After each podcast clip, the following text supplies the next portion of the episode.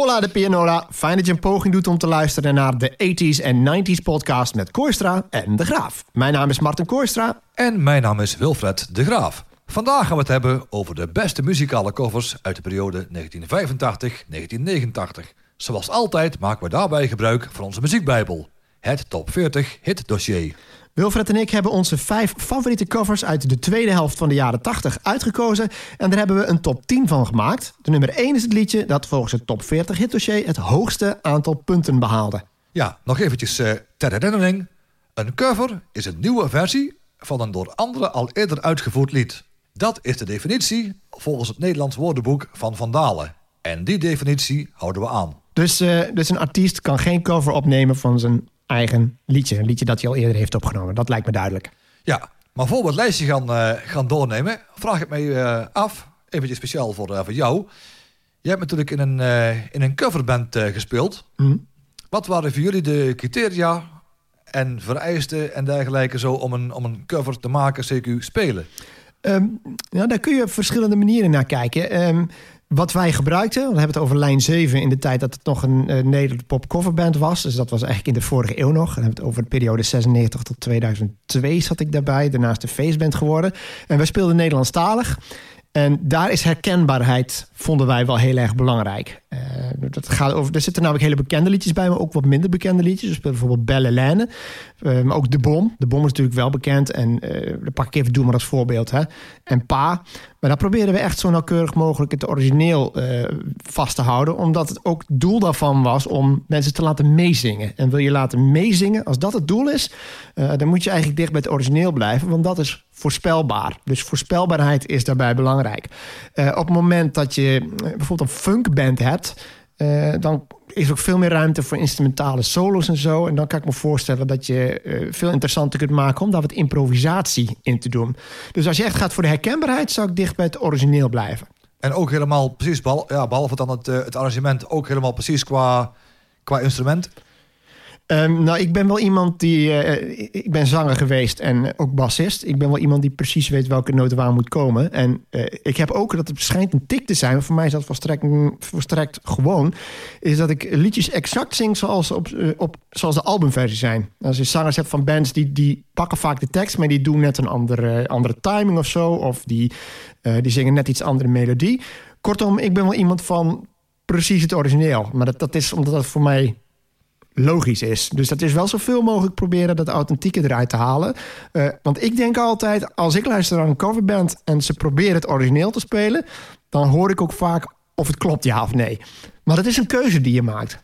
Uh, hoe zit dit dan bij jou als DJ? Want uh, ja, we kunnen voorbeelden noemen van liedjes die covers zijn geweest. En dan, als nou een een, het origineel of een eerdere versie hit is geweest. Bijvoorbeeld Don't Leave Me This Way, hebben we het net even over gehad. Grote hit voor Thelma Houston, als ik me niet vergis. Ja. En later voor de Communards. Allebei grote hits. Ja. Op basis waarvan bepaal je nou in het algemeen in zo'n situatie welke jij draait? Ja, ik zou bijvoorbeeld geneigd kunnen zijn uh, om aan het begin van de avond uh, de versie te draaien van, uh, van Thelma Houston. Nog ook zo nog een beetje lekker, lekker relaxed. En als het feest echt een knalfeest al begint te worden met, met de YMCA en dergelijke, om dan die versie te pakken van, uh, van de Communards. Mm -hmm. Maar het zou ook zomaar kunnen zijn, als zie ik van nou, het is wel een, een, ja, een, een publiek wat, uh, wat ouder is. Disco-publiek meer. Disco-publiek, ja. meer wat ouder is inderdaad. Dan zou ik wel eens kunnen denken van... oh, dat is toch gaaf als hij dan een keer zo'n uptempo nummer hebt gehad. Het zakt lekker in. En dan Thelma Houston in, uh, in starten. Dat is ook heerlijk. Ja, ja, dat is bij dit specifieke voorbeeld. Omdat de ene echt een 70s disco-klassieker is... en de andere eigenlijk een, een 80s pop-klassieker. Uh, maar in het, in het algemeen is ook de, de vraag of het een grote hit is geweest... voor jou belangrijk? In principe bij zo'n 80s uh, avond... ja, draai ik voornamelijk hits eigenlijk. Want het publiek, die houdt van herkenbaarheid. Wat, wat zijn algemeen jouw criteria? Want je, je moet soms wel eens voor een punt staan... dat je denkt, draai ik nou het origineel of toch de cover? En soms ook obscure coverversies van bekende hits. Daar heb je ook een handje van, toch? Ja, dat klopt. Ik, uh, ik, heb als de ik heb als de neiging zo om ook als ik wel eens kijk in mijn publiek. Ik denk, ja, dat ga ik gewoon doen. Om bijvoorbeeld gewoon uit de jaren 90 als cover uh, Coro featuring Talisa te pakken met Because the Night. Because the Night. Maar ik denk ook dat die, dat die wel beter valt dan de versie van Patti Smith. Ik denk dat die wat onredelijk onbekend ja, is. Ja, daar kun je niks mee. Daar zit nee. geen duidelijk ritme in. zit geen duidelijke beat uh, zit daarin. Die draai ik wel eens als, als cover. En ik draai ook wel eens als, ook wel eens als cover Tears and Joy. I Will Always Love You. Ja, ik wou zeggen, die, die zat al in mijn hoofd. Maar ja, dat is natuurlijk omdat het origineel een, een echte, Daar kun echte je- power ballad is. Precies, precies. Daar kun je ook, ja, daar kun je ook gewoon... Als je met het origineel eigenlijk gewoon niet veel, eh, ja, niet veel kunt... dan eh, is een cover is wel eens leuk. Draai ik een cover, ook wel een remix draai ik wel eens. Hm. Van eh Matt Pop. Dat is een, een Nederlander die internationaal bekend is. Die heeft bijvoorbeeld ook gewoon een mooie remix van, van de Bee Gees Tragedy. Die heeft er wel wat beats en wat synths aan toegevoegd... zonder het origineel aan te tasten. Ja, terwijl het origineel denk ik toch ook nog wel... eh, Zeker, van zeker. de minst gedateerde Bee Gees platen, denk ik dan. Goeie plaat. Maar je noemde net, denk ik, al een goed voorbeeld. Eh, Tears and Joy, Whitney Houston kun je niet draaien. Zelfde categorie valt bijvoorbeeld Total Eclipse of the Heart, Nicky French. Nicky Fresh, ja, ja. Ik denk dat die Bonnie Tyler ook niet... eh, niet een, een van. Ja, Bonnie Tyler, Ja? Dat gaat wel eens zo op het eind van de avond zo. En dan, en dan nu lekker schuifelen. En lekker close bij elkaar. En dan draai ik ofwel eh Doe van eh, Peter Maffay. ja, oké. en dan past ook wel gewoon nog eh, Bonnie Tyler bij. Ja, en als je die achter de hand hebt, dan moet je niet Nicky French ook al gedraaid hebben. Dus die zal toch niet zo vaak voorkomen. Maar dat is wel een goed argument. Je draait de cover dus, omdat die cover in die versie wel past en het origineel eigenlijk niet. Ja, want Ook al is dat een grote hit geweest. Total Eclipse of the Heart, goed voorbeeld ja, daarvan. precies. Want er is gewoon heel veel verschil tussen, tussen luistermuziek en radiomuziek. En muziek voor feesten en, eh, en kroegen en dergelijke. Ja, zo was er ook een versie van Ace of Base van All That She Wants. Een, ik geloof een 125 bpm versie. Ja, die stond er gewoon op de CD-single. Ja, want die begon dus eh, in plaats van met het fluitje, begon die met een, een basje. Die ging dan. Dat was eh. dus niet gewoon een, op, zeg maar een speeded-up, een opgesnelde versie. Het was echt een ander arrangement. Ja, want ook een heel ander instrument. Ook andere instrumentjes uh, eh, zat erin. Dan ging All that you want. Pa. Ja, dat is toch het verschil in tempo. En dat geeft eigenlijk vaak ook wel aan wat het originele is en het nieuwe. Want als, als we kijken naar de lijst, zitten ook veel... de coversversies zijn in het algemeen sneller dan de originele. Dat geldt sowieso al bij de eerste. Nummer 10. But why can't you see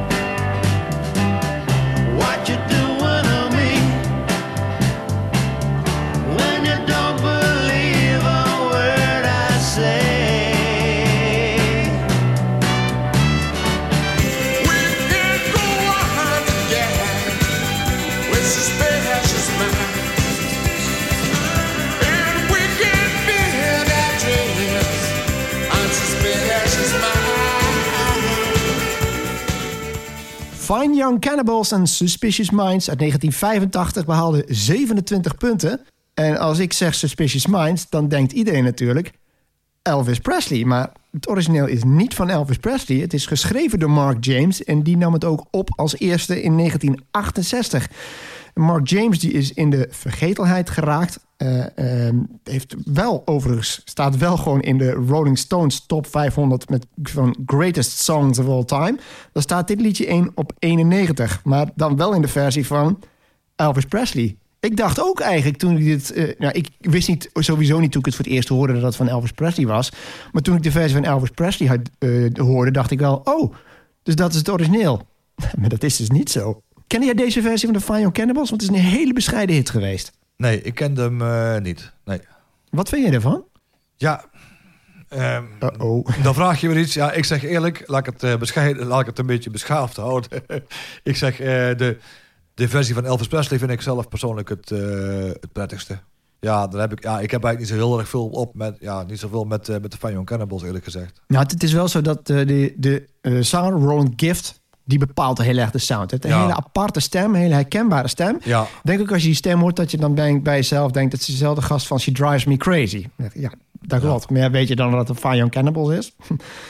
Maar goed, eh, die Mark James, dus de componist en de oorspronkelijke uitvoerder... die heeft meer liedjes geschreven. Er is weinig over te vinden, vreemd genoeg. Althans, eh, niet veel informatie. Maar die is ook de schrijver van Always On My Mind. Ook van Elvis.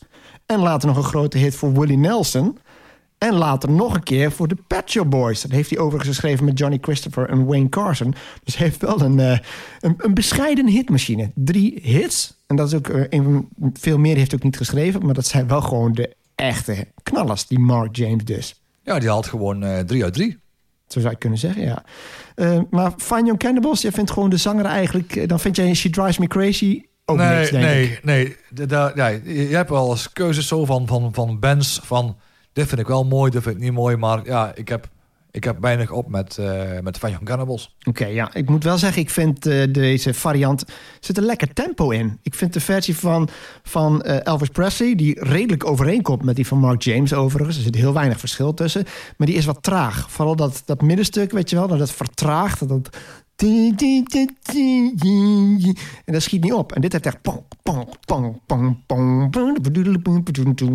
Dit, dit is dansbaar, denk ik, mooi op de dansvloer. eh. Dus ja, ik, ik heb geen probleem met die stem. Ik vind het ook wel mooi. Maar ik snap wel dat dat een afknapper kan zijn. Zoveel mensen, zoveel smaken. Nummer 9.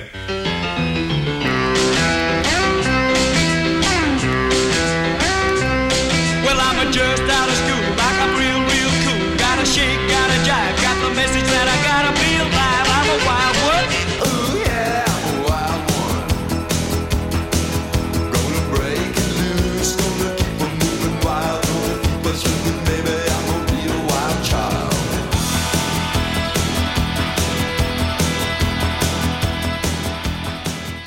Iggy Pop en Real Wild Child in 1986 behaalde 28 punten. Ook weer een hele bescheiden hit. Geschreven door Johnny Greenan, Johnny O'Keefe en Dave Owens. En het origineel is van Johnny O'Keefe. Stamt uit 1958.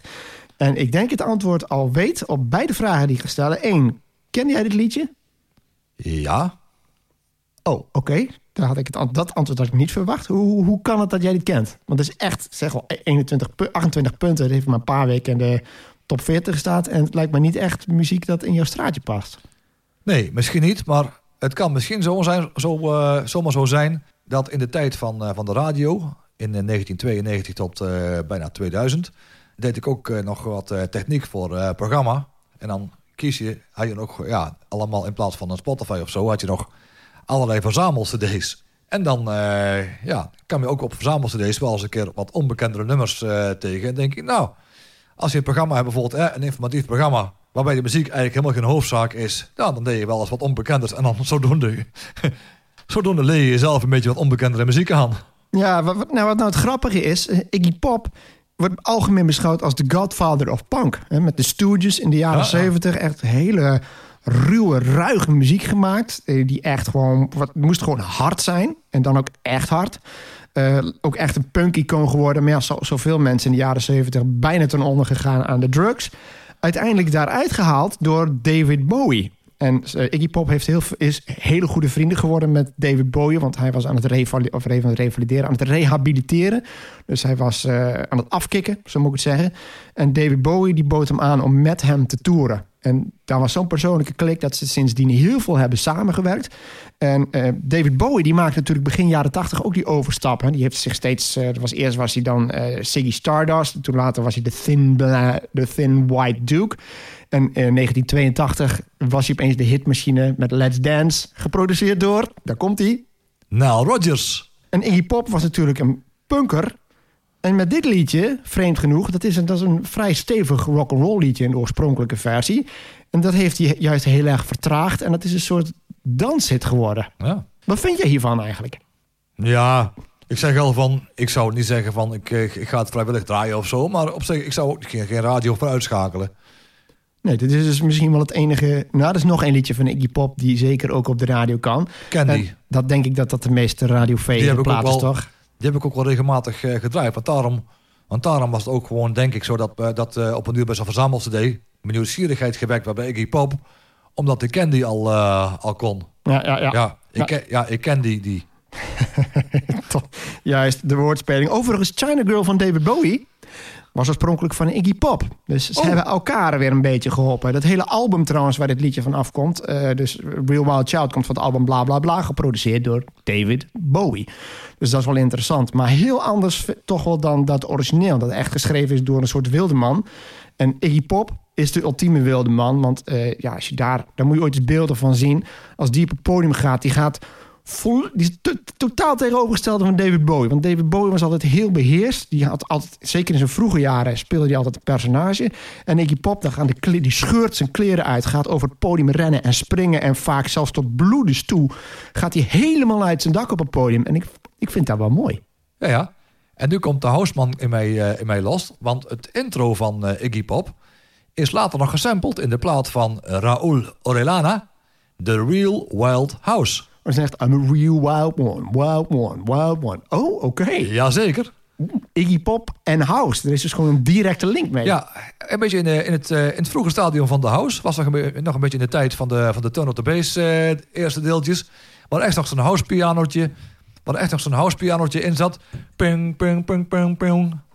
Ja, jij noemt die naam nu. Ik heb daar een liedje van, Raúl Orellana. Maar eh, Ja, die had, eh, die had voor mij twee, eh, twee platen. iets met Patapite Put. eh, Die had twee platen. Die had, eh, die had, die had The Real Wild House. En daarnaast was het nog, was het toevallig The Gypsy Rhythm. Ja, dat ging heel goed. Oh, ja. Ik, ik zat er dus helemaal naast. Zingt er iets van Ratapita Poepakken ding of zoiets? Nee. Oké, dan heb ik iets heel anders in mijn The hoofd. Gypsy Rhythm. Oh, The ja. Gypsy Rhythm. Potverdikke me, ik ken hem wel. Oeh. Raúl Orellana. Ik wist dat ik die naam kende, maar ik heb, ik heb nu weer het hitdossier nodig. Waarvoor moet ik met een hitdossier als ik het gewoon aan jou kan vragen? Ja. Maar goed, tot zover Iggy Pop. Nummer 8.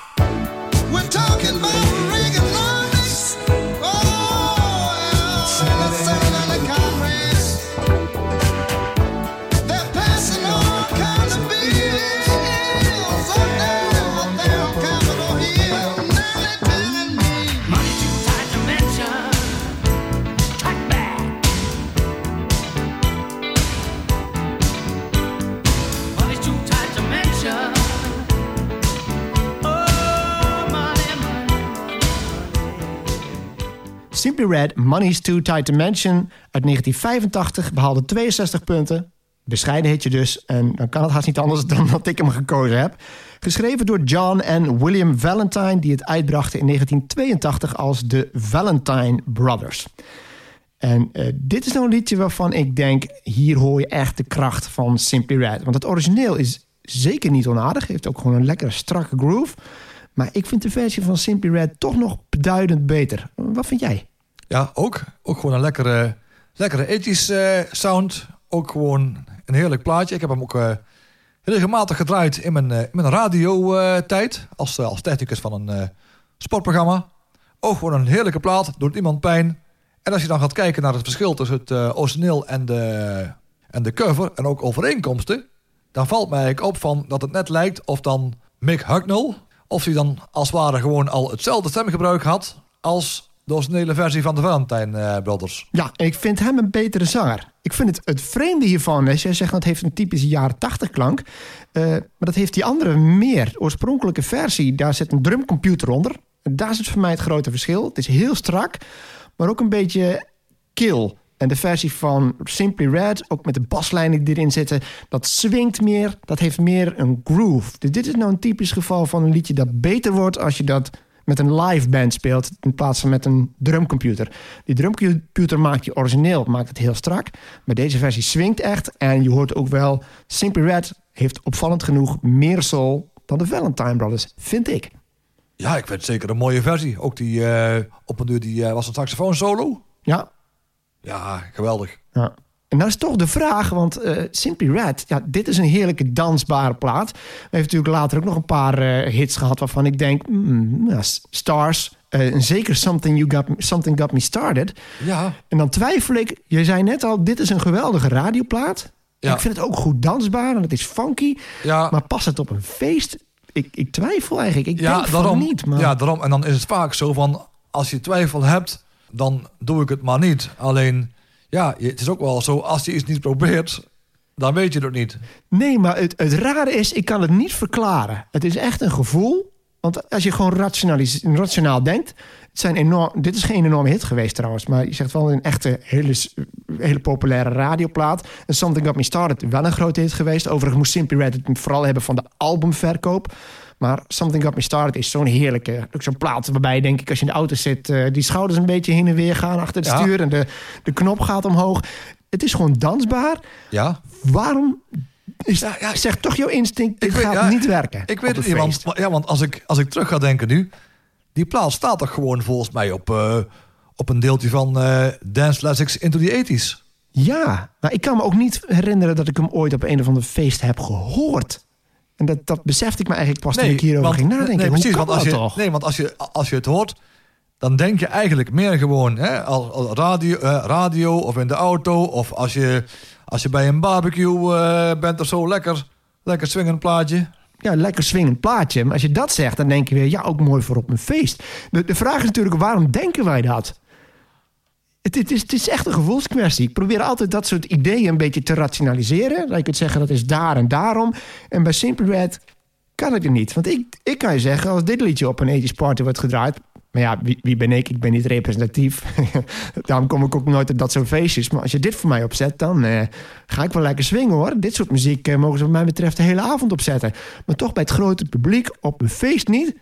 Het swingt wel, in de auto geweldig. En op een feest dan dus toch geen Simply Red. Een enorme hitmachine. Ja, Ja, ik, zou eens, ik zou eens kunnen gaan kijken of er al iets eh, is. En misschien anders een keer, eh, een keer zelf aan de, gang, eh, aan de gang gaan. Om te kijken of ik er misschien nog qua tempo en qua ietsjes groove. Dat ik er misschien zelf nog een beetje een soort van dance remix eh, voor kan maken. Dat ik hem toch als dancefloor filler kan gebruiken. Ja, een beetje zoals eh, Het is een nacht, zeg maar, van Guus Meeuwis. Ja, de, de extravagante remix met Beats Are Us Beats. Zo zou het inderdaad wel kunnen, ja. Ja, maar je moet het, waar jij zegt, je moet het wel doen als je echt het gevoel hebt van ja. Want jij zegt, Ja, als je twijfelt, kun je het beter niet doen. Dus, maar leuke uitdaging voor jou. ja precies. Maar, maar dit is ook vaak wat ik wel eens heb met bruiloften. Dan krijg je wel eens een aanvraag. En dan moet ik wel eens tegen zo'n zo'n zo'n bruidegom zeggen van... Je mailt mij een lijst door. Die is kwalitatief echt zeer goed. Alleen als DJ kan ik er niks mee. Want als je ook een knalfeest wil...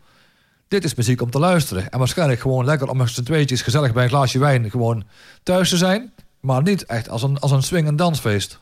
Nee, maar ik denk wel dat als je een lijst hebt met, eh, met de echte knallers... en er staat ook een van die liedjes van Simply Red tussen... dat je zegt, nou, op zo'n feest, dan, Dan gooi ik doe ik Simply dat. Red er even tussendoor. Want dat, ja, dan, dan doe ik dat, want dan, dan is er ook een kwestie van... respecteer de wens van, eh, van de mensen waar je voor draait. Ja, maar het doet dan ook geen pijn. Voor jou, zullen we zeggen. Nee, nee, zeker niet. Zeker Nee. niet. Nee. Hey, eh, dat zijn drie liedjes van mij geweest. Eh, het wordt de hoogste tijd dat we een liedje van jou gaan bespreken. Nummer 7.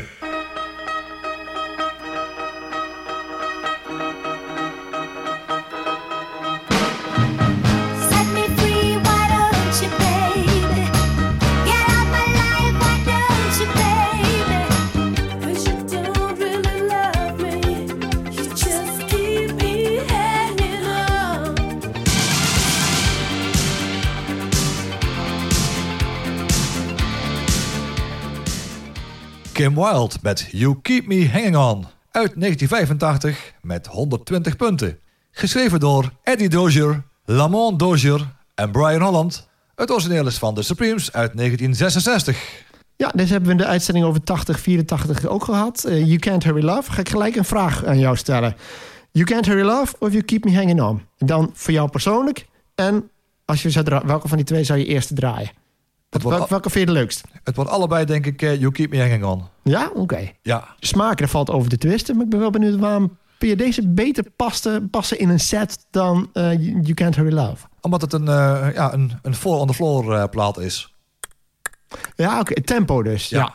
ja, tempo en ook gewoon, ja, ik vind het ook een mooi, mooi liedje. Maar ja, het is ook een beetje weer een beetje wat, ja, een vergelijking van het ene.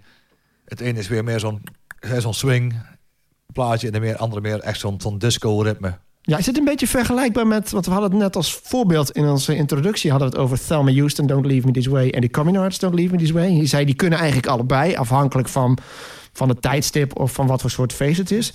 Eh, geldt hetzelfde eigenlijk voor deze twee versies? Zou je Ja. ook de oorspronkelijke versie Ja, van de dat denk Supremes- ik. Eerlijk gezegd dat eh, de oorspronkelijke versie toch misschien nog bij het grote publiek nog te onbekend was. Want volgens mij is You Keep Me Hanging On ook niet zo'n mega hit geweest, hè? Eh, nee, maar ja, je hebt natuurlijk ook dat een liedje weer een enorme hit wordt door de versie van Kim Wilde. En ja, Diana Ross en de Supremes is wel een Motown sound. Dus het is wel een liedje waarvan je zou kunnen redeneren. Oh, is Motown, dat werkt sowieso, ook al is het geen hit geweest. Maar jij kiest dus echt, ja, je houdt ook wel van Kim Wilde, weet ik. Want het is, het is de derde keer dat we haar bespreken. Ja, Dus- heb ik ook een eh, hele mooie cd van. Ja, dat is ook gewoon jouw persoonlijke voorkeur. Maar Ja. dit, ik, ik begrijp je argument, want ja, het is wel een bekend, het is een bekend liedje ook. Maar Ja, ja, het is want- niet zo'n grote hit geweest. Nee, de want- versie van Diana Ross en de Supremes. Maar- Ja, in principe, ja, als ik ga kijken, ja, in Amerika heeft hij wel twee weken op nummer 1 gestaan. Heb je het over de Kim Wilde versie of de versie van de Supremes? Supremes. Ah, oké. Ja. En ik zag ook dat het eh, ook nog eh, gecoverd is door eh, andere artiesten. Rod Stewart, Vanilla Fudge en Wilson Pickett. Vanilla Fudge. Ja, Ja, ik heb- gelijk denken is dat... eh, dat kl- klinkt als een spin-off van Vanilla Ice. dat was een andere versie. Vanilla Ice in elkaar geklopt en dat werd Vanilla Fudge. Jazeker. Alleen ja, ik vond, eh, dit, dit was echt weer zo'n plaat eh, waarvan ik gewoon vanaf de eerste... Vanaf de eerste seconde dat ik het hoorde en die beat erin kwam, ja, dat, ik- dat, dat ik er ook helemaal, helemaal verliefd op, eh, op werd. Ik vond, eh, ja, vond en vind eh, Kim Wilde ook nog steeds een leuke vrouw. En ook Ja. gewoon een van de hitmachines van de jaren 80, Kim Wilde. Als, Sade hoort er ook bij. Donna Summer hebben we net genoemd. Ja, Zij heeft echt eh, grote hits gehad in de jaren 80. Overigens wel interessant, want je hebt het eerder een keer gehad over dat stereo-effect. Hè? Eh, een liedje daar waar je goed mee kon testen. In, een- in een café had je het over, om te testen of iets mono of stereo is ingezet. ja precies. Als je, was weer? ja, precies. Als je één, al heb je dus één installatie en bijvoorbeeld een, een café met een zaal erachter. En dan om te weten of dan het geluid stereo is of mono, dan pak je bijvoorbeeld uh, Eve of Destruction van Barry McGuire. En dan hoor je bijvoorbeeld in het café hoor je de zang en in de zaal hoor je de gitaar. Juist, en bij de versie van de Supremes, van Diana Ross en de Supremes, van You Keep Me Hanging On, heb je hetzelfde. Daar begint het... De eerste is links en dan gaat het zo naar rechts. En dat is wel lachen dat dat inderdaad in de jaren zestig al zo werd, uh, werd toegepast. Eh, overigens, dat zijn weer dezelfde schrijvers, die we, dezelfde schrijvers van You Can't Hurry Love. En die hebben nog een aantal hits gehad. Hè? Die hebben er meer geschreven. Ik ben wel benieuwd welke jouw favoriet daarvan is. Eh, baby Love, Baby Love, My Baby Love. En Stop in the Name of Ja, Love. leuke. Ja, zeker. Ja, ja. En dan hebben we nog Reflections of... Ja, Ja. ja. wat, wat mij, ja, wat mij een beetje eh, wat mij opvalt in, in een beetje, ook een beetje in de, in de platen van, de, van het Motown eh, label. En die later op een duur ook weer gecoverd worden. Van dat dan in de coverversie eigenlijk meer een goede, een goede stevige beat eigenlijk gewoon eh, zit. En dan in de, in de versie van, van de Motown gewoon boom, tsk, met, met zo'n belletje. Dat is de four to the floor van de jaren 60 eigenlijk. Ja, hè? ja, dus in principe zou je kunnen zeggen dat je als, als zou je platen echt gewoon willen, wi- willen mixen, dat je gewoon een, een stevige kick moet toevoegen aan die oorspronkelijke versie. En dan hou je eigenlijk gewoon hetzelfde over, inclusief en meer beat. Ja, maar dat is ook niet voor niks. Kijk, eh, Motown, dat zijn gewoon goede liedjeschrijvers. En die schrijven, als het liedje goed is... is het enige wat je hoeft te doen is het arrangement wat om te gooien. Je hebt nog steeds een goed liedje. Dus je kunt er niet zo heel veel fout mee doen. Het is, het is knapper om het te verknallen, zal je bijna zeggen. Want zo goed zijn de liedjes. Hè? Een goed liedje kun je alleen maar verknallen. Kun je eigenlijk niet, niet nog mooier maken dan het is. En dat is zeker bij Motown zo. Nummer 6.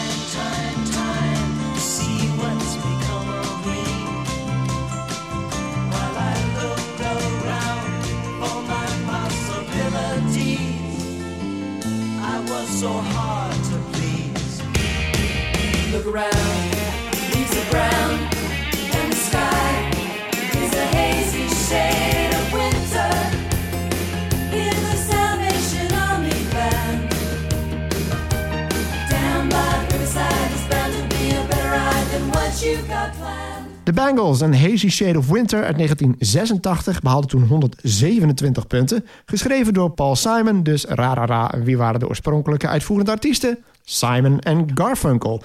En eh, dat origineel, ja, dat wijkt op een aantal punten wel af, maar niet qua tempo.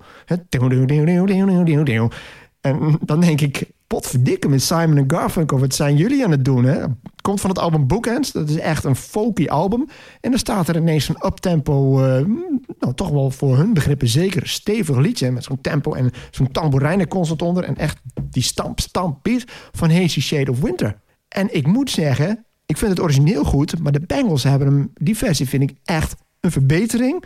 En precies om die criteria die we eigenlijk eerder al noemden. Omdat het echt, eh, het is geüpdate. Het is een geüpdate versie. Ze hebben gebruik gemaakt van de technieken die er zijn.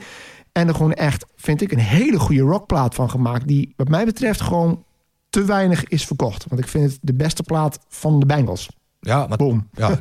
het is allebei wel zijn charme, vind ik. Eh, van de ene kant vind ik natuurlijk eh, van Simon en Garfunkel dat die wel wat meer zeg maar de subtiele sound erin, eh, erin brengen. Zo ook gewoon lekker, lekker, ja, lekker, lekker rustig. En hun samenzang is ook legendarisch. ja, hun samenzang is ook helemaal, eh, helemaal geweldig. En bij de Bengals, ja, het was in het begin eventjes nog een beetje wennen. Want ik vond het dan, als je dat origineel gewend bent, vond ik het nog zeker een beetje onrustig overkomen. Maar eenmaal gewend, denk je toch van ja, dat hebben ze toch weer goed gedaan. Ja, ik vind dat intro ook mooi. Want vreemd genoeg, opvallend genoeg moet ik zeggen... het begint dus die versie van Simon en Garfunkel... begint gelijk met... En dus bij hun eh, krijg je een beetje synthesizer geluidje... een beetje ambient en zo. En dan begint ze heel langzaam met het intro. En dan komt die drums erin, die klinken veel helderder. Want we hebben het al eerder gehad... dat de productietechniek in de jaren tachtig echt... een enorme sprong vooruit maakte. Nou, dat hoor je hier. En waar eigenlijk oorspronkelijk is die riddle... die riff van... is met een akoestische gitaar ingespeeld. En nu is het gewoon echt met een elektrische gitaar. En dat geeft wat meer oomp. Ik moet zeggen, de samenzang van de Bengals... eh, ik vind het nogal toch wel getuigen van lef dat je Simon en Garfunkel... die eh, ja, grote fans van de Everly Brothers waren... maar die echt een fantastische harmonieën zongen... dat je dat toch naar de kroon weet te steken. Of in ieder geval dat niveau weet te evenaren, vind ik. Ik vind het, dit wel een van de ja, meest bewonderenswaardige covers uit deze periode. Ja, Maar ja, dat, dat zijn dan de Bengals. En het grappige van de Bengals is, eh, die hebben hierna nog één grote hit gehad. En dat was hun allergrootste hit. En dat is ook het liedje waar de meesten ze van herinneren. Eh, overigens, hun allergrootste hit, weet ik niet welke het is. Dat is Walk Like an Egyptian of Eternal Flame. En Walk Like an Egyptian is eigenlijk een beetje hetzelfde als dit. Ja, En Eternal Flame is dan eigenlijk een beetje zoetsappige ballad. ja. Dat is toch wel grappig. Ja, precies. Ja, precies. Eternal Flame, dat was nog helemaal nog toen... dat ook op schoolfeesten volgens mij een beetje de schuifelplaat. Bengals, ja, welke van die twee...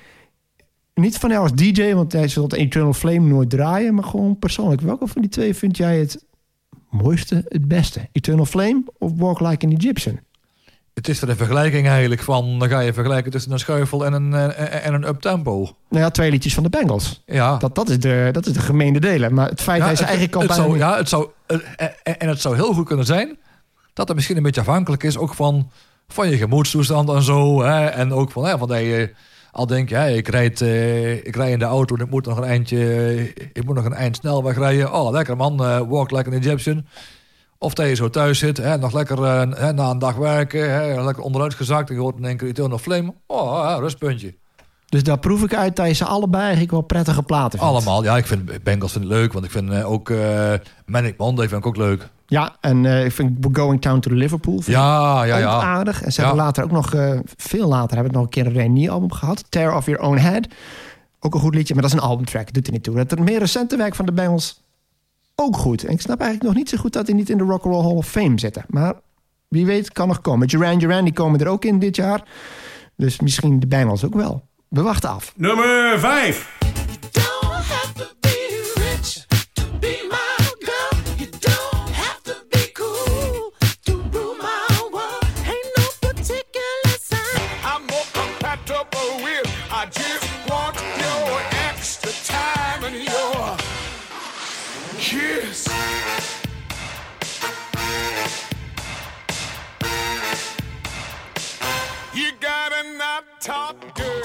The Art of Noise featuring Tom Jones met Kiss uit 1988 met 248 punten.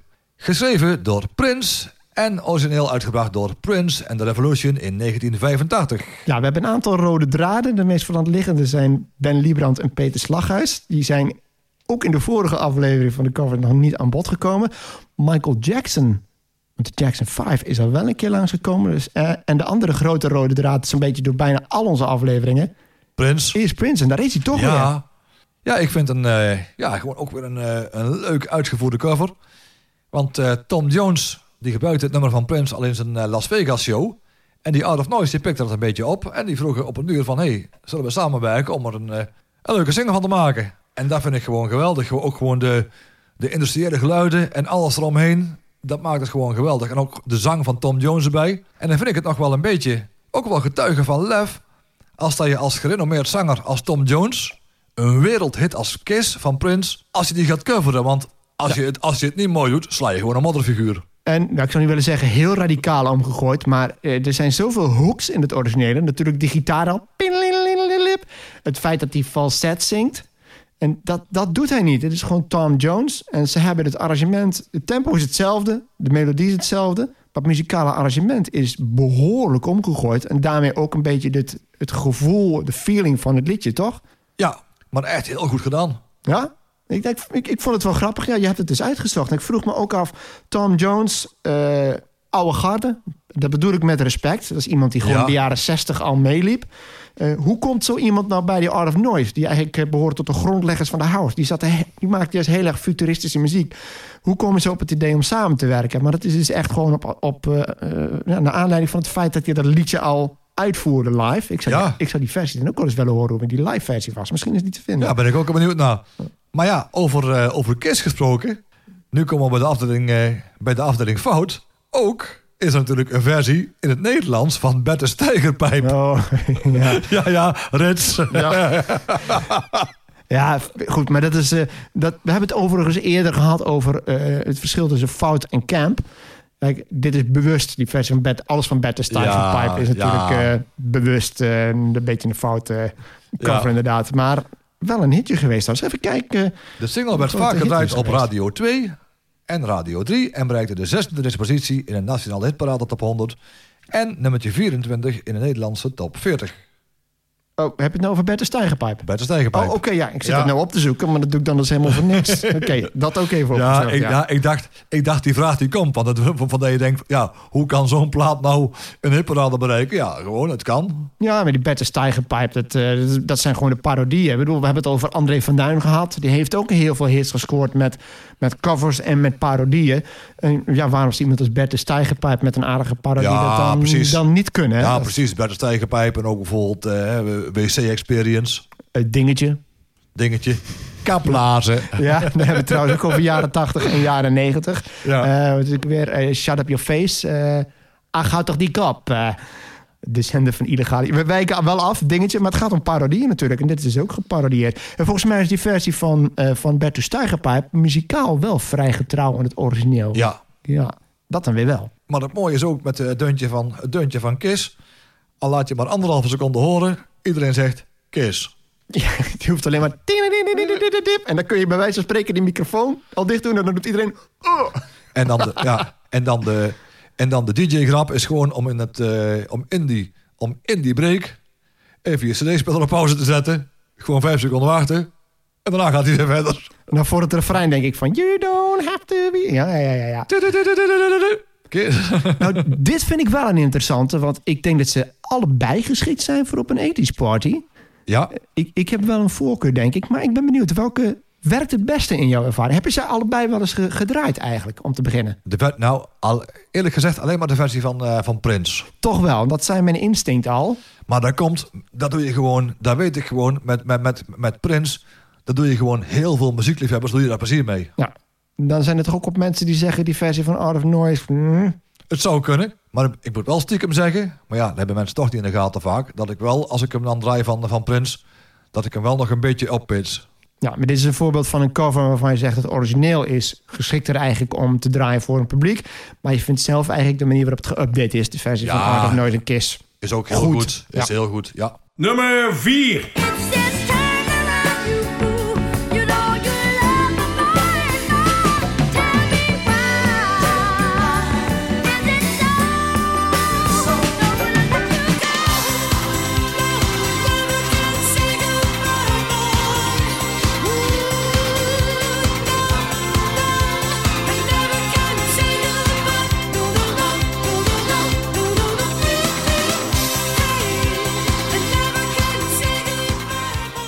Communards en Never Can Say Goodbye uit 1987 behaalde toen 249 punten. Dat is één puntje verschil met die Art of Noise en eh, Tom Jones.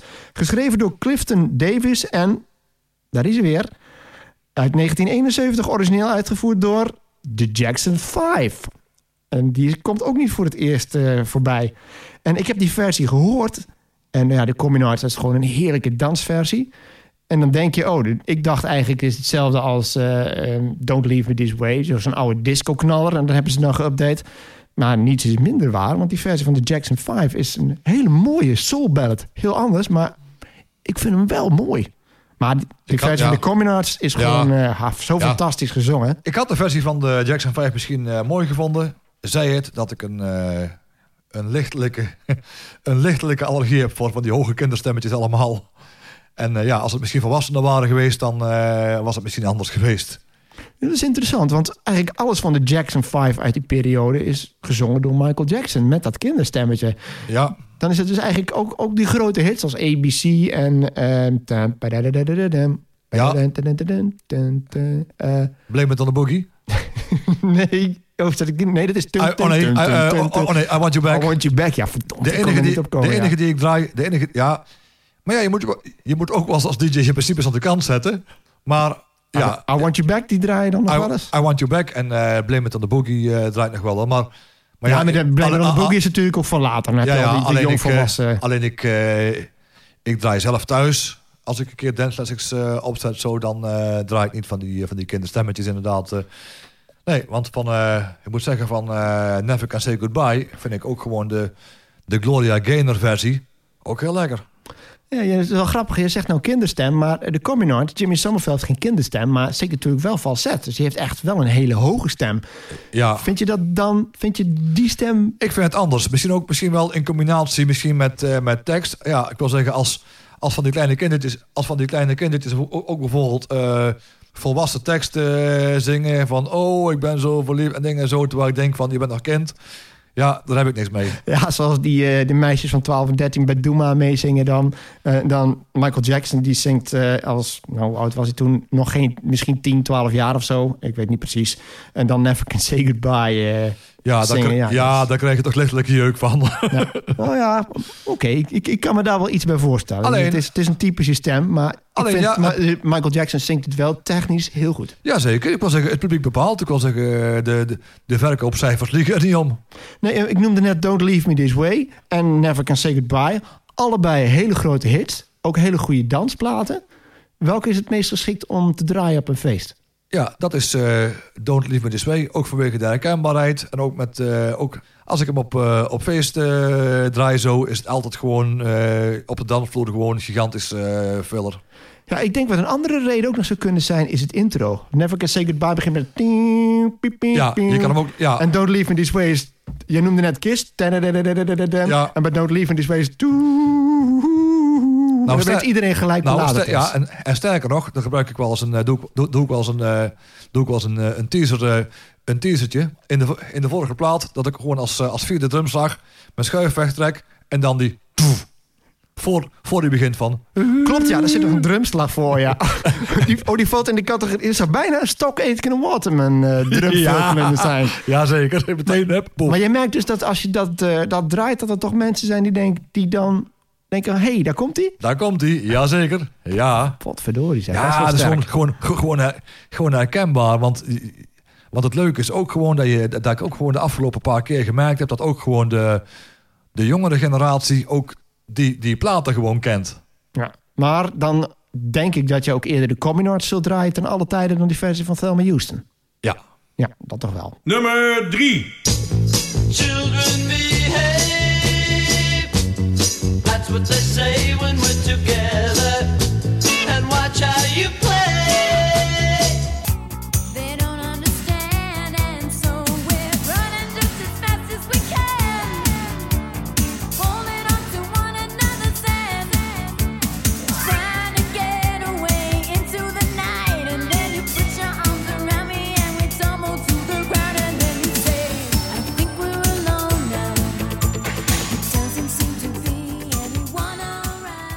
Tiffany met I Think We're Alone Now. Uit 1988 met 324 punten. Geschreven door Richie Cordell en origineel van Tommy James en de Shondells uit 1966. Het was een, eh, een grote hit in, eh, in Nederland, nummer 2 zelfs, Amerika nummer 1 en, wat ook wel een mooi detail was, ze stoten Michael Jackson met Bad van de troon. Ja, dit is altijd eh, leuk om die, eh, om die op je palmares te hebben natuurlijk, ja. Ik moet zeggen, ik vind deze versie... ik vind Tiffany wel goed zingen, maar ik vind het een beetje keel klinken. Wat ge- te gecomputeriseerd. Maar jij vindt het dus toch wel swing hebben. Ja, ik, ik hou van computers. Ja, nou ja ik, ik ook. Ik ben een fan van Kraftwerk. Een enorme fan daarvan zelfs. Maar dit, ik vind het, laat ik het zo zeggen, ik vind het gedateerd. Het klinkt echt als een jaren tachtig plaat. Het originele is wat te traag, vind ik dan weer. Ik vind het tempo goed. Maar ik, ik- ja, begrijp je wat ik bedoel? Ja, ja, ik snap het denk ik wel. Hè, want je zou het heel makkelijk kunnen nabouwen waarschijnlijk met een programma om muziek te maken. Ja, om de vergelijking te maken met Simply Red, die we helemaal aan het begin hadden. Dan hadden we de vergelijking met de Valentine Brothers. En dan had je toch dat het feit dat het door een live band gespeeld was. Ja, dat, dat geeft het wat meer Dat swing. klopt. En Dat- dat- hier mis ik dat. Ja, ja dat, dat klopt. Helemaal. helemaal. Ja, Simply Red had natuurlijk ook helemaal ook veel, veel diversiteit eh, erin. En ook eh, qua, qua geluidjes en zo. Ja, maar eh, ja, goed. Ik, eh, qua, qua disco, qua disco plaat er ook in de tijd toen ik nog eh, toen ik draaide bij de, bij de Fun in, in Gelderop, het, het jongere gedeelte van de Dreef, was het wel een, een plaat die ik toch wel regelmatig draaide. Ja, je spreekt nou in de verleden tijd. Ja. Dus toen wel, nu Toen- niet meer? Nee, het zijn ook vaak van die, ook wel eens vaak als je dan je playlist gaat, gaat maken of je mapjes gaat samenstellen, ook niet het eerste waar je zo aan, aan denkt, eigenlijk. Is het dan toch omdat het wat gedateerd is? Of wat, wat is dan de reden waarom je zegt... nee. Ja, misschien ook, je, moet- je, moet plaat ook wel eens tegenkomen om te zeggen van, oh ja, ik ga hem weer gebruiken in een playlist. Denk jij dat nu? Je zegt van, hey, Ja, ja nu, want, toch? Ja, oké. want, ja, want op zich, er is ook nog een, eh, een andere coverversie nog van gemaakt, van eh, I Think We're Alone Now, Mhm. van eh, Girls Aloud. Oh, oké. Jazeker. Wacht, ga ik eens even kijken. Of heb jij op... Ik, ik ga niet weer voor Jan Lul opzoeken. Heb je opgeschreven? Ik heb niet opgeschreven welke notering het Dan ga ik het even ondertussen opzoeken. Maar het leuke, het leuke van, eh, van Tiffany vond ik eerlijk gezegd... Van, dat ze wel gewoon een knoepert van een, eh, een hit had... maar dat ze niet helemaal eh, half naakt als, als disco girl aan het optreden was. Ja, ze was gewoon heel, heel, gewoon heel beschaafd. Echt gewoon een, een, een girl next door eigenlijk. Ja, en het aardige is, eh, ze gebruikte een tactiek die inmiddels wat verouderd is. Want tegenwoordig is YouTube een hele goede manier om eh, te komen tot heel veel airplay. Eh, in die tijd had je dat natuurlijk nog niet. Dus wat ze deden, ze verzonnen voor Tiffany, die toen 15 jaar was, verzonnen ze een zogeheten shopping mall tour. En dat betekent eigenlijk de voorganger van wat wij ook wel eens gezien hebben, van die MD-muzikanten. Dan weet je wat ik bedoel? Dan heb je een muzikant die komt aan met een MD en een technicus die een MD-speler heeft staan. Die plugt die in. Dan wordt de instrumentale track wordt gespeeld en de artiest, eh, we hebben het ook gehad over Mart Hoogkamer, dat is ook zo eentje. Die gaat er op het podium staan en het enige wat hij hoeft te doen is een liedje zingen en dan gaat hij weer af. Dat deden ze met Tiffany ook. Die heeft heel veel in winkelcentra opgetreden, ook om daar het publiek waar het om ging, de tieners, te bereiken. En daardoor is zij zo succesvol geworden. En in haar eh, voetsporen heeft Britney Spears exact diezelfde tactiek gebruikt. En meer recent Taylor Swift. Dus Tiffany is het grote voorbeeld geweest voor Britney Spears. Dat is wel interessant. Maar ja, als je gewoon wel eens kijkt naar het verleden... en als je dan kijkt van bepaalde tactieken... en als je gaat kijken naar, eh, en- en naar, het, naar het kostenplaatje... ja, je neemt bijna geen financieel risico om het op zo'n manier te doen. Nee, het is ook media exposure. En als je slim bent, dan doe je het vlak bij een platenzaak. Ook nog. Ja, hier te koop daar. En, eh, het is ook dat contact maken met je publiek. Hè? Want als je in een winkelcentrum komt... eh, tegenwoordig komen minder mensen in een winkelcentrum... door natuurlijk veel meer online doen, dat is logisch. Maar in die tijd, ja, eh, boodschappen in het weekend... standaard even naar het winkelcentrum. Dus daar kom je gewoon je publiek tegen. En ja, willen ze dat je, wil je dat je ze muziek hoort... dan moet je muziek gedraaid worden. En als ze niet draaien, dan moet je het gewoon maar live doen. En dat kost dan wat... maar je krijgt er ook weer heel veel voor terug. Dus in die tijd gewoon een briljante, briljante tactiek. Maar uiteindelijk gaat het, net als bij Britney Spears en Taylor Swift, ook om talent. En eh, ik moet zeggen, zij was 15, dat verbaasde me wel. Ik dacht dat zij ouder was in die tijd, want ze heeft ook een paar andere hits gehad. En eentje daarvan is een cover van The Beatles. eh, een beetje omgedraaid. When I Saw Her Standing There, dat is een liedje van de Beatles. En dat heeft zij gezongen als When I Saw Him Standing There. En het is oorspronkelijk gezongen door John Lennon. Met heel veel, met die rauwe, met die rauwe stem die hij had. En Tiffany doet dat behoorlijk goed. Dus ik vind haar wel een hele goede, hele goede zangeres eigenlijk. Ja, als ik nou hoor dat ze dan 15 was... dat verklaart waarschijnlijk denk ik ook wel... de vrij degelijke kleding eigenlijk, denk ik.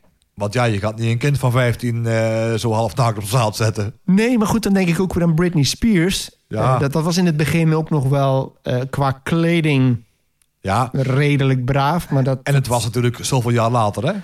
Dat klopt. Ja, daar zit wel wat tijd tussen. Maar ik, ik zit te denken aan de leeftijd. Ik denk dat Britney Spears misschien nou, hooguit een, een jaartje of twee ouder was of zo. Ik weet niet hoe oud zij was toen zij doorbrak. Maar dat zal niet zo heel veel gescheeld hebben.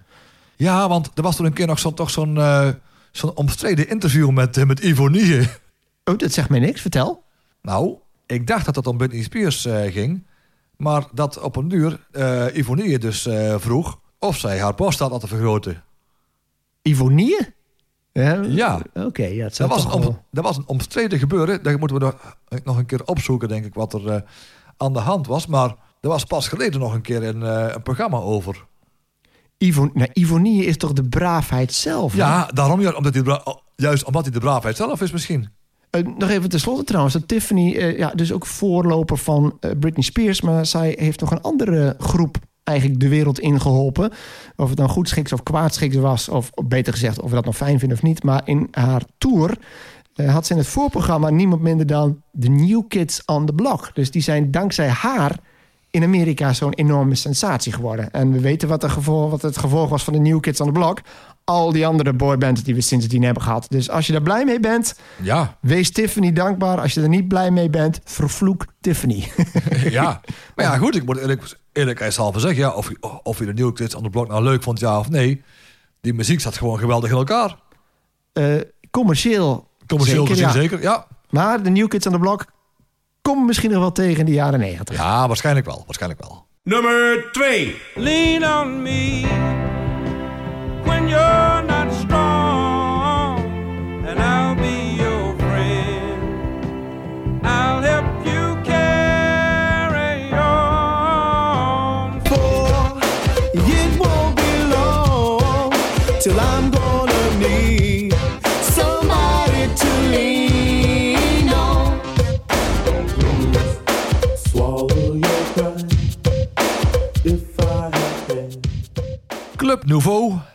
Lean On Me uit 1987 met 396 punten. Geschreven door Bill Withers en origineel ook van Bill Withers 1972. Nou, vergel- Vergelijk die versies met elkaar. Want ze lijken aan het begin wel heel erg op elkaar. Ja, eh, maar uiteindelijk ook weer niet. Helemaal niet eigenlijk. precies. In het begin lijken ze op elkaar. Maar ja, dan, kom, dan gaat mijn disco hart weer kloppen. Want dan komen de beats komen erin en de synthesizer. En dan begint het. En dan denk ik in het begin nog van... Nou, ik vind nog met die lage stem helemaal zo. Dan denk ik nog... Oeh, dat kan nog een beetje een cover worden van een twijfelachtig eh allooi.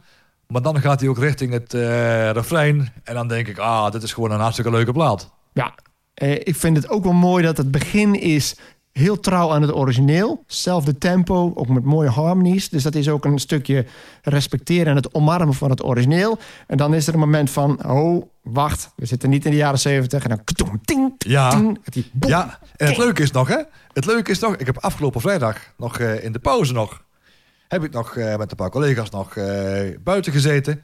En ik vertelde, ja, ik ga een podcast opnemen over covers.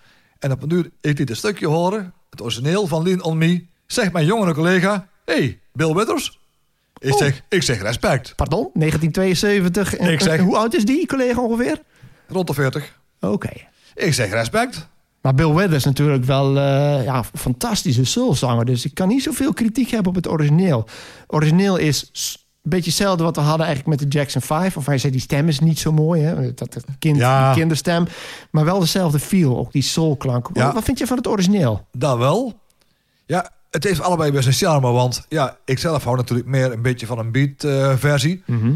En dan blijft, dan blijft die origineel, die blijft een beetje nog, nog hangen in het, in het eh, ja, een soort van dramatiek, zeg maar. Ja, Maar het is zeker niet slecht, alleen dat, dat- soms vind ik platen die wel eens te lang blijven hangen en er gaat niks veranderen. Er gaat, het gaat niet even eh, lekker eh, los. Dan luistert voor mijn gevoel ooit wel eens stroef. ja. Ik denk ook dat het goed is om dus de vergelijking te trekken met die andere twee grote hits van Bill Withers. Want je hebt Lean On Me en dan heb je Ain't No Sunshine. Ja, Ik moet zeggen, die vind ik mooier. Ain't no sunshine when she's gone. ja en nou voel ik hem. En, eh, en natuurlijk zijn bekendste liedje, Lovely Day. In de Ben Liebrand remix. Hey, hey, hey. Ja, daar is die dan toch weer. Maar om ons maar om nou pak je bingo kaart met tevoorschijn. Oh, jee.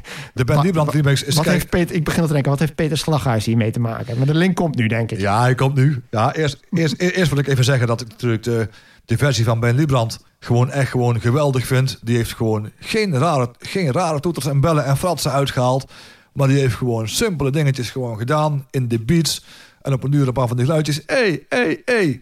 En heeft hij gewoon prachtig geremixed. En nu komt er nog een leuke herinnering aan de, aan de plaat van, eh, van Club Nouveau. Het gaat over 1987 al. Het, eh, het intro van de, ja, het intro in de eerste paar minuten van de BVD-jaarmix van eh, Peter Slaghuis. Ping. zat een hele gave mess-up namelijk. En dat was met het instrumentaal van Club Nouveau. En toen de tijd al, zonder dat er sprake was dat je tonen kon aanpassen en zo... zat er heel mooi en subtiel over het deuntje van Club Nouveau... zat de rap van eh Cool Modi van Ghost to the Doctor. see the doctor. Yes. Pom, pom, pom. Ja, verrek, dat past er inderdaad wel goed bij. Wat een goede mooie combinatie. En toen ging het van... Tegelijkertijd ging het dan eerst van... I went to the doctor's office I what if I forgot. En dan ging van... Tune, tune, tune, tune, tune. Ja, het is geweldig. Even terugkomend op eh, Ben Liebrand, hè? want Ja. jij zei net al, jij vond dat vindt het een geweldige mix. Ik ga nog een stapje verder. Ik vind eh, dat de, van de mixen die ik ken van Ben Liebrand, vind ik dat het absolute meesterwerk. Ik vind echt Lovely Day. Die versie van Ben Liebrand, oh, dat is zo'n geweldige versie. Die vind ik ook, hoor ik ook liever dan het origineel. Terwijl het ook heel goed is, maar Ja. eh, echt, dat is zo Ja, fantastisch. ik- Ik, zie nou in het hitdossier trouwens, dat hij nog een remix heeft gedaan van Bill Withers. Ik ben benieuwd of je die kent. Ain't No Sunshine? Nee, nee, De nee. Eclipse Mix. Nee. Ook een, dat is ook een hitje geweest. Nee. Heeft de 26e plaats gehaald. Ja, die- dan moet je die wel een keer aan je ik catalogus terug uh, Ja, die moet ik, die moet ik, ja, Sunshine. zeker. Ja, want van, eh, want van Ben Liebrand dan heb ik dan twee favoriete mixen. Eh, qua remix van platen. Dat zijn dan eh, Lovely Day. En de plaat van de Time Bandits, Endless Road. Ja, die hebben we ook al een keer uh, Die gememoreerd Energy, in die de Energy. Mix met de typische sound die erin zat. Wil je weten wat hij precies bedoelt? Dan is het gewoon de, de Ben Liebrand remix of Endless Road. Hoe zoek je hem op? Volgens mij heet hij, volgens mij heet hij Endless Road. Volgens mij heet hij iets van de, iets van de High Energy eh, Dance Mix of zo. Klopt, ja, dat is hem. De High Energy Dance Mix. En die stond bij mij op de cd van Van Leest. Stampend en swingend. Het is maar dat je het weet. Nummer 1.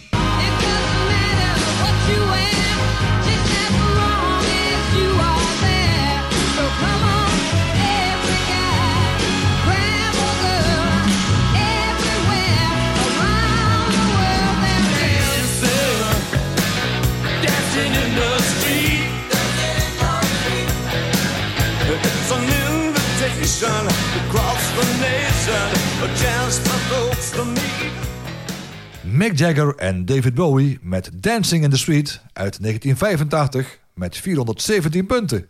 Geschreven door Ivy Hunter, Marvin Gaye en William Mickey Stevenson. Het origineel is van Martha Reeves en de Vandellas uit 1964. Ja, dit is wel een plaat met een mooi achtergrondverhaal ook. Hè? Of wil je het eerst even over de muziek hebben? Nou, je mag gerust de achtergrond eh, vertellen. Nou, dit liedje is eh, geschreven. Ik wist dat het voor een goed doel was, maar ik dacht dat het voor Red Nose Day was. Dat is een BBC-actie, maar eh, dit was in het kader van Band 8. Daar sloot het op aan. En schijnbaar was oorspronkelijk het idee dat eh, David Bowie en Mick Jagger dat op tijdens het concert zouden zingen.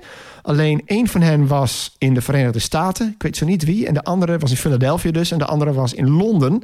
En daar ontdekten ze iets wat dan nog nooit geprobeerd was, namelijk. Dus, eh, dat ging nog via satelliet en daar zat vertraging tussen. Dus dat bleek technisch niet mogelijk.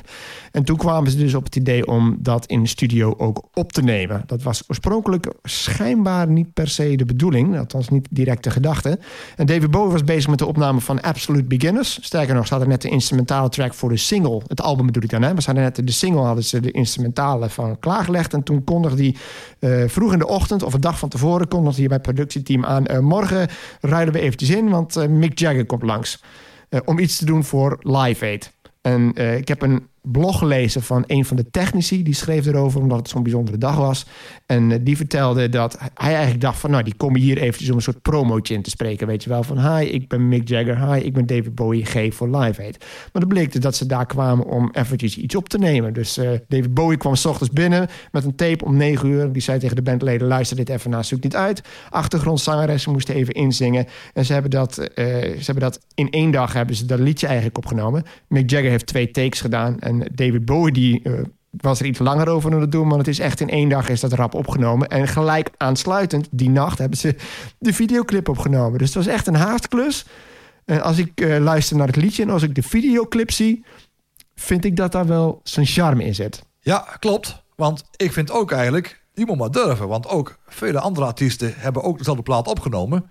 Kijk eens naar eh, de Mamas en de Papas, de Carpenters, Dusty Springfield, The Who, Human Nature, Van Halen, Nicky Webster, Atomic Kitten, jawel, The Kings, Mira en Tim Curry. Jeetje, nou noem je een verscheidenheid van artiesten. En degene die mij het meeste opvalt is de Carpenters. De Carpenters en Dancing in the Street. Ik ben een groot liefhebber van de Carpenters. Ik ga het woord fan niet te vaak gebruiken, maar ik vind Karen Carpenter vind ik echt de mooiste vrouwelijke stemhebber van de 20e eeuw. Maar Carpenters als een, is wel heel erg middle of the road. Dus dat zij dan zingen Dancing in the Street. Ik ben wel heel benieuwd naar die ik, versie. Ik heb geen versies beluisterd, maar ja, ik heb, ze alleen maar, ik heb alleen maar gezien dat, eh, en gelezen dat ze dat opgenomen, eh, opgenomen hadden. Dus als je dan kijkt hoeveel verscheidenheid er allemaal eh, van is. Stond Matt Bianco ook in jouw lijstje trouwens? Je noemde het een hele hoop. Nee, Oké, dan ben ik toch wel benieuwd. Want ik, ik ben nou even gaan kijken. Je hebt, dat is het leuke. Hè? Je hebt achter in het hitdossier heb je een titelregister. En daar staan drie keer staat daar Dancing in the Street. Nou, dat zijn de twee versies waar we het nu over hebben. Martha en de Vandellas en David eh, Bowie en Mick Jagger. En ook een versie van Matt Bianco. Maar ik, ik, ik ken die niet eerlijk gezegd. Dat zou ook wel interessant zijn. Maar ja, het is zo'n hele waslijst.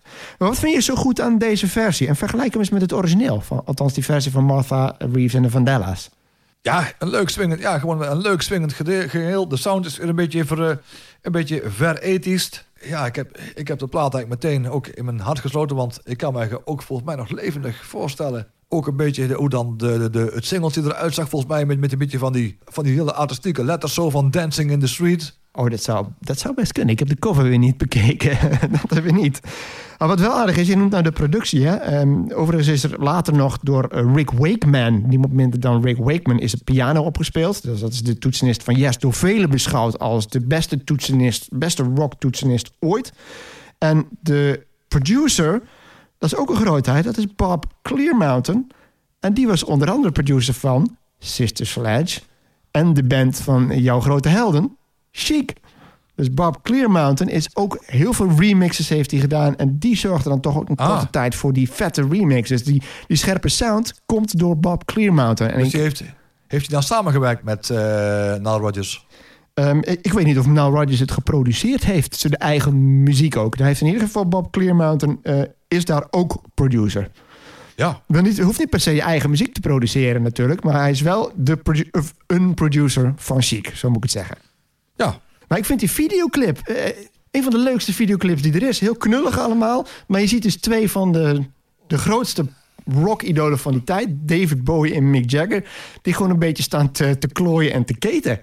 Ja, dat is gewoon lachen. Die stak allemaal dansjes te doen en zo. En dan staat David Bowie staat er allemaal met zijn- En het lijkt helemaal nergens op. En Mick Jagger die allemaal idiote sprongen doet. En ze doen maar wat. Maar je ziet gewoon, die hebben de grootste lol met z'n tweeën. Ja, maar ja, het is denk ik ook zo dat zowel David Bowie als Mick Jagger... dat waren al gewoon echte, echte characters. Ja, en nou niet echt degene waarvan je denkt eh, dat die heel erg uitbundig en dat, dat er Dus een klik ja, tussen die twee zou dus zijn hetgeen, eigenlijk. ja, ja, dus hetgeen wat ze gingen... Dus ja, als ze, hetgeen wat ze doen...